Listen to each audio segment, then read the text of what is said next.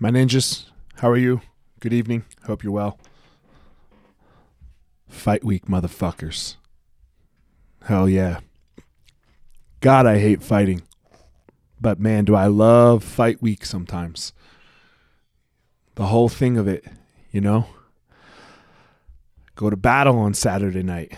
I was really sad that I got that I missed Drew Dober's. Uh, some coronavirus circumstances with uh, my family led to that. Um, but here we go. I get to go with Corey. And uh, I was going to be really sad if I missed this one too. I don't like watching my ninjas. I don't like watching the soldiers go to battle when I'm supposed to be there and I'm not. You know, I know I know how little I have to do with it. I'm not saying that there's anything that I do that's going to make them win or make them lose or you know, like that night or you know, in that 15 minutes like there's so there's so little that goes on there. But goddamn, I don't fucking like I don't like watching it when I'm not there. I like to be there. I like to feel the feelings. I like to feel the emotions with the fighter. I like to go through it. I like to hang with the team. I like to. I, I like the the couple days before battle where you're just hanging out. It's just you and sol. It's just like you and the soldiers.